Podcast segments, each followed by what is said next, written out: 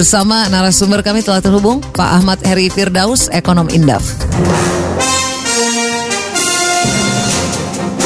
Uh, Pak Heri di tengah polemik kenaikan iuran BPJS Kesehatan di tengah pandemi Corona ya, pemerintah tengah menggodok nih sekarang sebuah rencana baru yaitu menghapus ya. kelas mandiri 1, 2 dan 3 menjadi kelas standar nih. Ini biar publik pendengar Radio Idola tahu juga gimana pendapat Pak Heri dari Indef uh, atau tanggapannya terkait ya. soal ini. Ya, jadi artinya uh, ya kebijakan-kebijakan yang dibuat untuk uh, meng, eh, apa uh, meningkatkan efisiensi BPJS ya itu ya penting gitu ya. Hmm. Meningkatnya dan dan supaya enggak tekor apa enggak tekor uh -uh. lah yang selama uh -uh. ini kita dengar gitu. Nah, yes. tapi ini juga harus uh, memperhatikan aspek-aspek uh, di luar itu ya, uh, hmm. kelembagaan yang bekerja sama dengan atau yang bermitra dengan BPJS, misalnya rumah sakit contohnya ya Hmm. Kalau misalnya dijadikan kelas uh, standar, uh, artinya sama semua gitu ya. Hmm. Uh, artinya kan rumah sakit itu harus memperbanyak kelas yang memang uh, menjadi ini apa uh, nanti ke depan ya BPJS dijadikan hmm. kelas kelas standar tuh misalnya nanti tetapkan kelas 2 gitu ya. Hmm.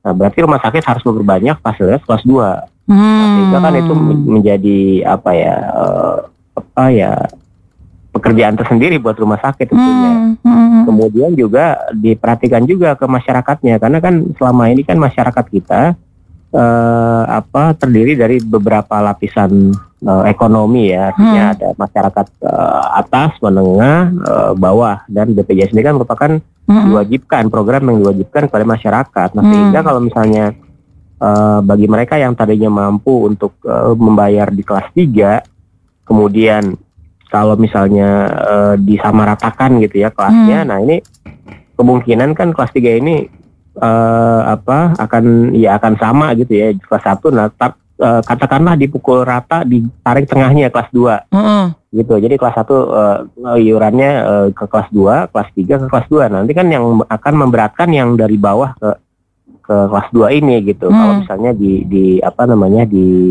samain di di kita iya, bener juga. di uh, uh. di di apa dijadikan tengah-tengahnya gitu ya kelas 2. Nah, ini yang harus dipikirkan juga adalah kemampuan masyarakatnya gitu ya khususnya hmm. yang yang kelas masyarakat kelas menengah bawah ya iya. selama ini dia hanya mampu untuk bayar kelas 3 uh -huh. uh, dikhawatirkan ya ada kenaikan buat mereka hmm.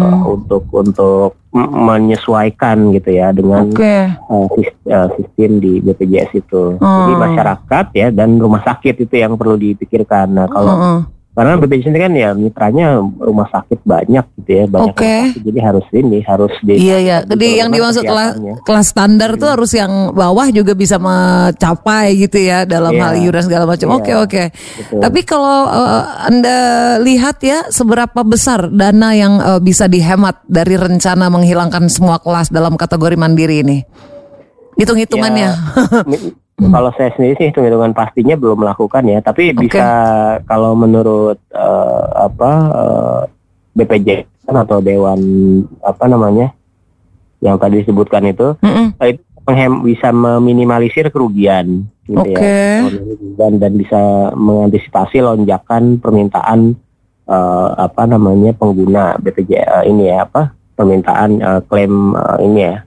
uh. Uh, ininya BPJS-nya. Nah ini yang uh. yang mungkin menurut hitungan BPJS ya bisa mengurangi kerugian, tapi uh -uh. Uh, perlu dipikirkan juga yang tadi saya uh, sebutkan. Oke, okay. du dua hal itu ya. Hmm. Gitu, dan kemampuan masyarakat, khususnya yang kelas menengah bawah. Nah ini hmm. bagaimana gitu kan? Hmm. Jadi uh, hendaknya ya kebijakan itu kan di, dipikirkan secara komprehensif ya, tidak tidak parsial dalam. Uh, Indef belum ngitung ya?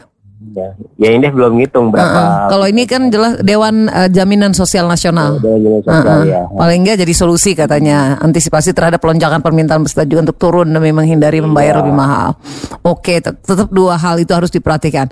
Tapi iya. kalau menurut kalkulasi Anda nih pada saat semua kelas nantinya dihilangkan, maka apakah iuran BPJS bisa menjadi lebih murah atau Iya. uh, gimana? Logikanya jadi, gimana? Uh Oh ya kalau bagi yang mungkin bagi yang tadinya kelas 1 gitu ya mungkin bisa jadi Jadi lebih gitu, murah. Oh, Oke. Okay. Uh, tapi hmm. kalau yang tadinya dia kelas 3 dan hanya mampu untuk bayar kelas 3 ah. bisa jadi jadi lebih mahal gitu. Karena kan ah. nggak ah. mungkin ya uh, kalau misalnya intinya mau meng, apa mau meminimalisir kerugian ya uh, ah. nggak mungkin kalau akan ditarik ke garis hmm. bawah. Ini kan ibaratnya ada tiga hmm. titik ya. Uh, uh, yang kelas 1, 2, 3. Hmm. Kalau dijadikan satu kelas tidak mungkin semuanya didorong ke kelas 3 karena nanti ya uh, apa akan ini akan uh, mungkin pemasukannya akan uh, sedikit gitu ya. Hmm. Tapi kalau di kelas 2 itu bisa mungkin uh, apa namanya ya bisa menutupi lah kerugian uh,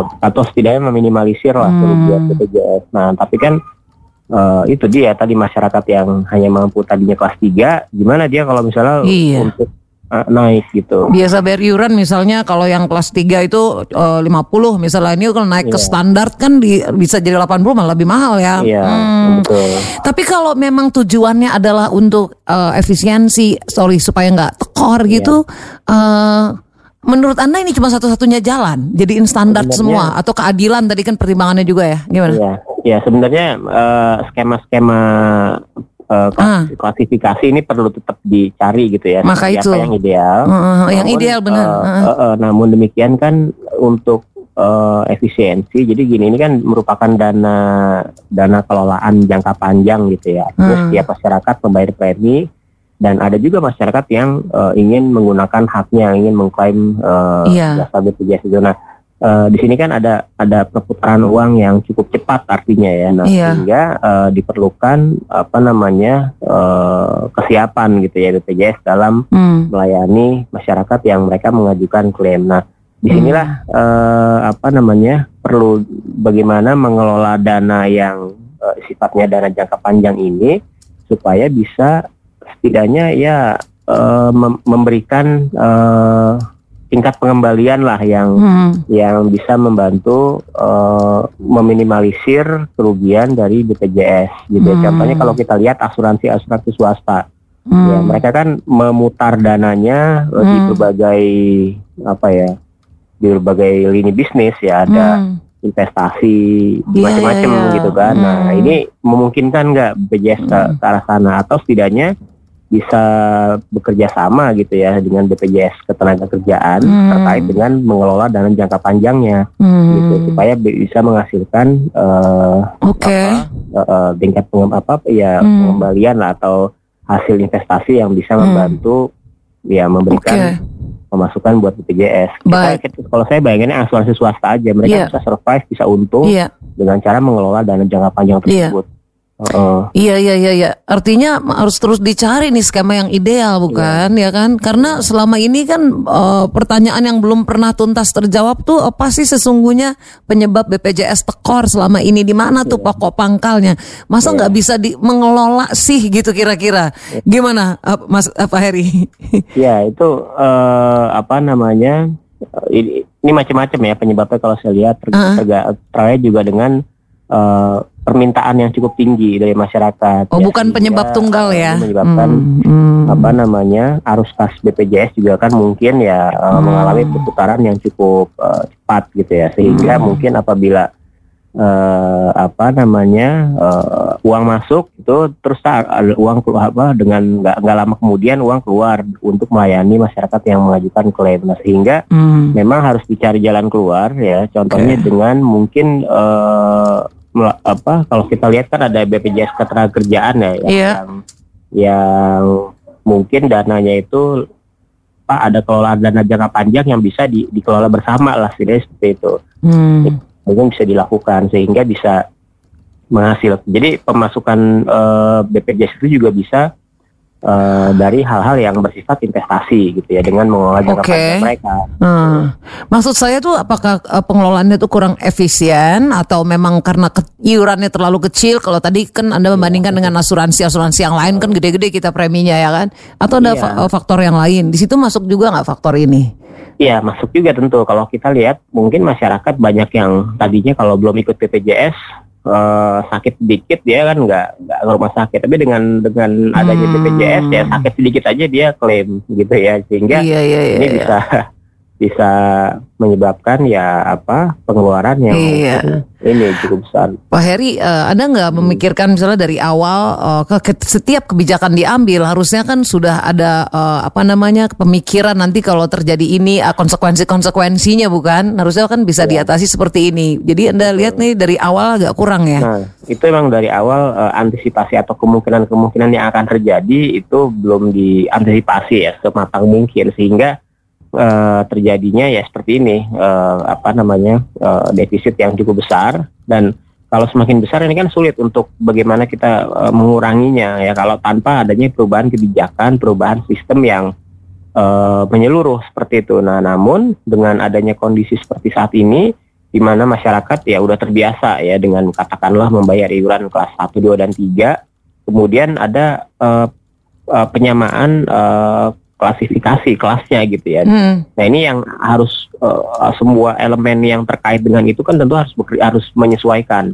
Hmm. Ini yang dikhawatirkan akan memberatkan. Nah sehingga uh, kebijakan yang akan yang diambil untuk uh, menyelesaikan masalah uh, defisit ini uh, bukan hanya itu gitu, tapi juga bagaimana ke depan ada rencana-rencana untuk mengelola dana, dana jangka panjang tersebut. Hmm. Begitu. Kemudian juga dari sisi kelembagaan internalnya tentu hmm. perlu ada efisiensi gitu ya. Hmm. Apakah mungkin pegawainya terlalu banyak atau hmm. seperti apa? Seperti apa saya nggak tahu. Ya. Tapi yang jelas okay. adalah dari hmm. sisi kelembagaannya sendiri memang harus hmm. ditingkatkan efisiensinya seperti itu. Oke, okay, baiklah. Wah, banyak nih PR-nya ya. Yeah. Untuk selesai. Uh. Baiklah. Pak Heri terima kasih banyak Pak Heri. Ya, terima kasih. Sama, ya. Demikian Mitra Idola kita telah dengarkan Ekonom Indef Ahmad Heri Firdaus.